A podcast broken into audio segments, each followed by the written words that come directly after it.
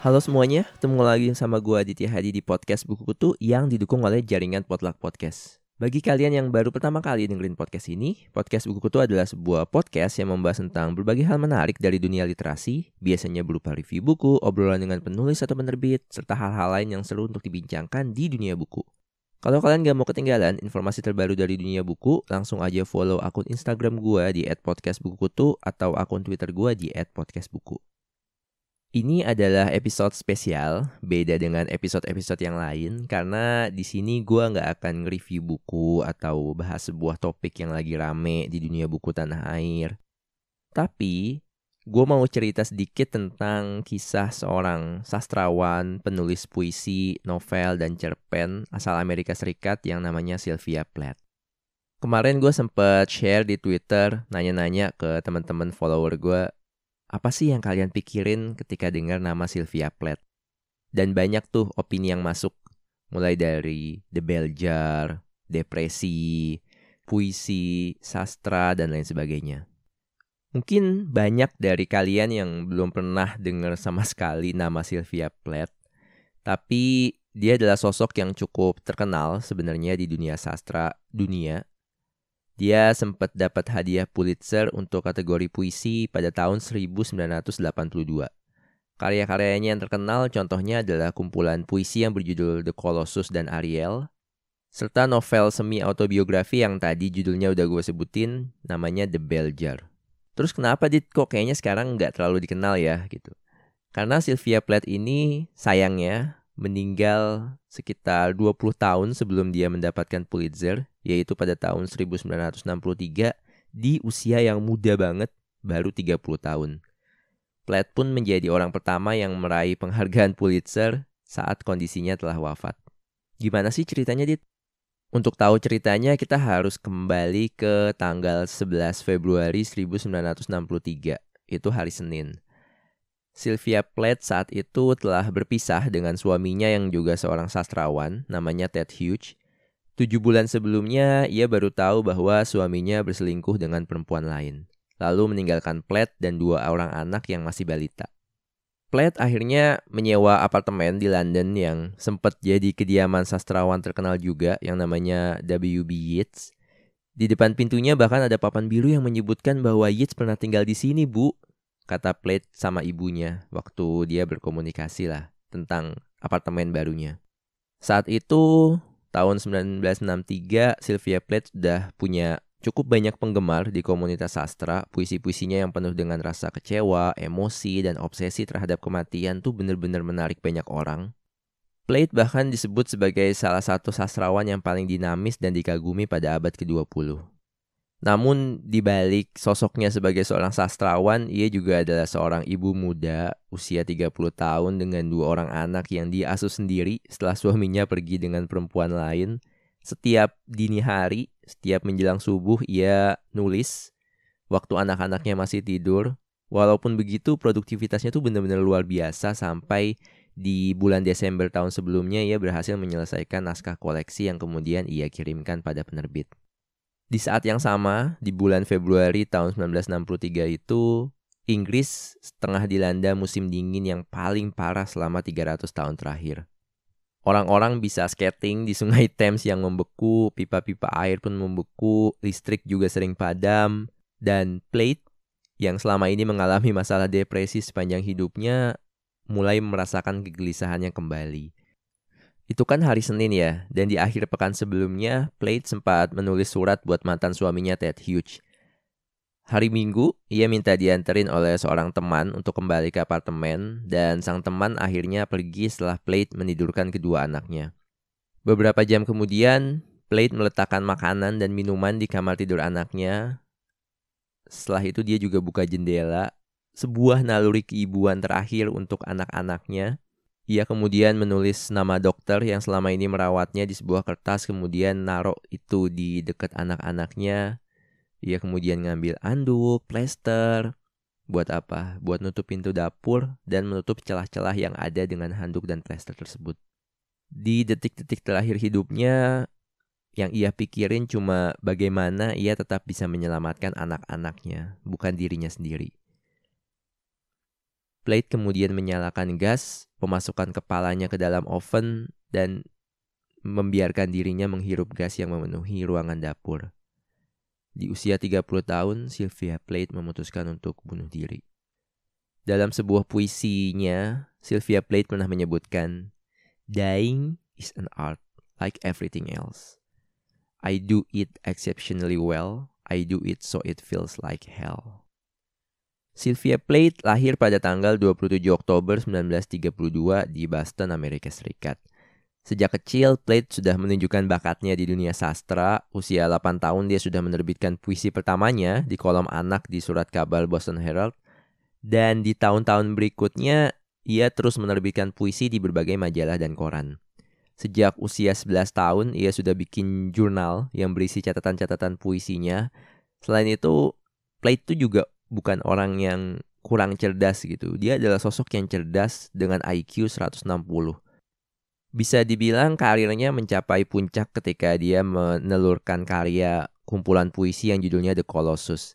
Tapi, sejak remaja emang dia sudah dikenal mengalami gangguan mental karena depresi. Usia 20 tahun, ia pernah melakukan percobaan bunuh diri pertama yang secara medis tercatat dengan cara meminum pil tidur ibunya. Untungnya waktu itu ia berhasil diselamatkan. Dari luar, kehidupannya terlihat lebih baik ketika ia menikah dengan seorang penulis puisi yang bernama Ted Hughes pada usia 23 tahun dan melahirkan anak pertamanya di usia 27 tahun. Sayangnya, depresi ternyata terus melanda hidupnya, ditambah dengan kejadian keguguran setahun kemudian. Dalam sebuah surat kepada sang terapis, Sylvia Plath mengatakan bahwa sang suami bahkan pernah memukulnya dua hari sebelum dia keguguran. Semua kegelisahan, semua emosi yang dirasakan Plath itu kemudian ia tuliskan, ya karena dia penulis ya. Kemudian cerita itu ia tuliskan dalam sebuah buku semi autobiografi yang judulnya The Bell Jar, yang sekarang pun akhirnya menjadi terkenal setelah dia meninggal. Beberapa bulan sebelum kematiannya, Plate sempat coba bunuh diri dengan cara menabrakkan mobilnya, tapi gagal. Setelah itu kondisinya justru semakin parah setelah ia menemukan juga bahwa suaminya selingkuh dengan perempuan lain dan minta berpisah. Dalam kondisi yang super galau kayak gitu, Plate justru semakin produktif dalam berkarya. Ia bahkan membuat kumpulan puisi berjudul Ariel di masa tersebut. Sayangnya itu merupakan detik-detik akhir kehidupannya. Kalau kalian lihat review-review terhadap buku tersebut, kumpulan puisi tersebut, nggak bisa enggak bahwa buku itu akan dikaitkan dengan fakta bahwa sang penulis meninggal dengan bunuh diri beberapa bulan kemudian. Bahkan ada review yang menyebutkan bahwa Plate made poetry and death inseparable. The one could not exist without the other. Plate membuat puisi dan kematian itu seperti tak terpisahkan. Salah satu tidak akan bisa hadir tanpa yang lain.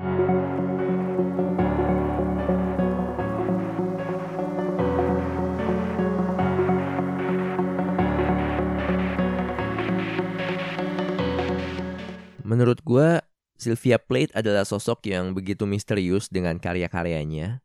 Ia beberapa kali menulis naskah dengan nama lain karena ia nggak nganggap serius atau khawatir ada orang yang akan tersinggung dengan karya tersebut. Setelah kematiannya ditemukan bahwa dia pernah nulis buku anak juga yang sifatnya lebih ceria, nggak melulu ngomongin soal kematian.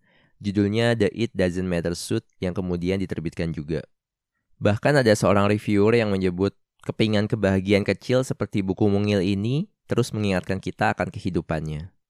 Kisah Sylvia Plath ini seperti apa ya? Membuka kembali pengalaman gue tentang bunuh diri gitu. Gue kan pernah cerita bahwa ada temen gue yang pernah melakukan bunuh diri dan sampai sekarang gue masih dibayangi pertanyaan kenapa sih itu terjadi dan apa yang bisa gue lakukan berbeda. Apalagi Sylvia Plath adalah seseorang yang penuh bakat dengan IQ yang tinggi kalau kita ngomongin Sylvia Plath lagi ya ia punya potensi untuk menelurkan lebih banyak karya yang bisa berpengaruh pada kita gitu, para pembaca. Tapi usianya harus usai di angka 30 yang buat sebagian kita adalah saat yang baru untuk mulai. Harus diakui banyak orang terkenal yang emang punya masalah dengan mental. Di buku biografinya Leonardo da Vinci yang ditulis oleh Walter Isaacson disebutkan bahwa Da Vinci juga mengalami gangguan mental yang mirip, seperti ada iblis di dalam dirinya yang tanda kutip memaksa buat keluar. Beruntung waktu itu Da Vinci bisa mengendalikan iblis tersebut dan terus bertahan hingga akhirnya meninggal di usia tua.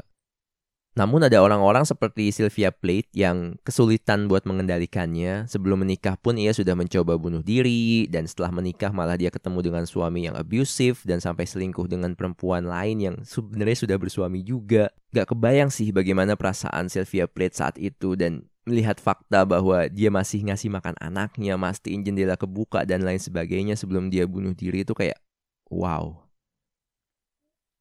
Yang lebih menyedihkan lagi adalah Sylvia Plath bukan satu-satunya sastrawan perempuan di zaman tersebut yang bunuh diri.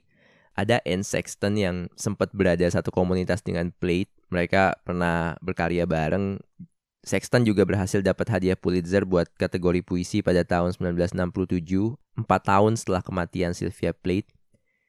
Tapi tujuh tahun kemudian pada tanggal 4 Oktober 1974, Waktu itu Sexton baru aja makan siang dengan rekannya buat membahas karya terbarunya yang akan terbit pada bulan Maret tahun berikutnya. Waktu pulang ke rumah, dia langsung mengenakan jaket bulu milik ibunya, ngelepas semua cincin, nuang segelas vodka, ngunci diri di garasi, menyalakan mesin mobil, dan meninggal setelah menghirup karbon monoksida dari knalpot mobil. Anne Sexton, sahabat Sylvia Plath, juga meninggal bunuh diri. Sebagai peringatan atau disclaimer buat kalian yang dengerin ya, gue di sini nggak mau meromantisasi bunuh diri buat kalian yang punya masalah depresi atau semacamnya atau pernah mempunyai pikiran buat bunuh diri, please segera hubungi psikiater atau pihak-pihak yang bisa membantu kalian. Gapailah kesempatan buat terus hidup dan terus memberi manfaat kepada orang lain.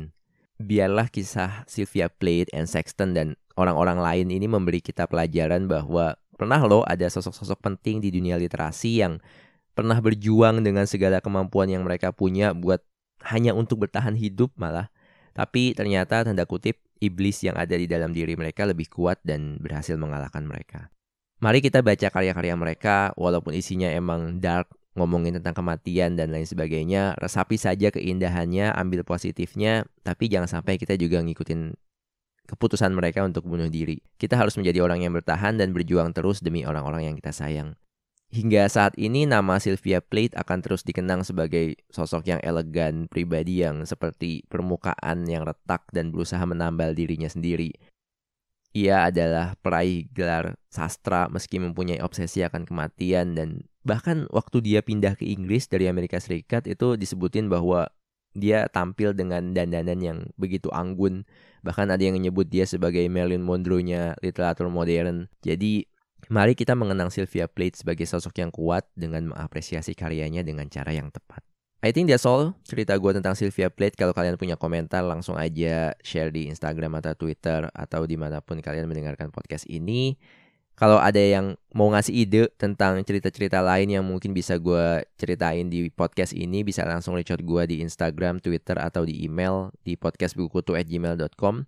Jangan lupa buat follow podcast ini di Spotify, Google Podcast, atau Apple Podcast. Dan jangan lupa juga buat follow, biar kalian bisa dapat notifikasi ketika gue ngeluarin episode baru. Kalau kalian mau dukung gue secara finansial, bisa buka karyakarsa.com garis miring podcast buku, karyakarsa.com garis miring PODCST BUKU. Jangan lupa juga buat beri dukungan bagi jaringan Potluck Podcast. Caranya follow aja akun Instagram at Potluck Podcast. POD PODCST. I think that's all. Thank you for listening. See you and ciao.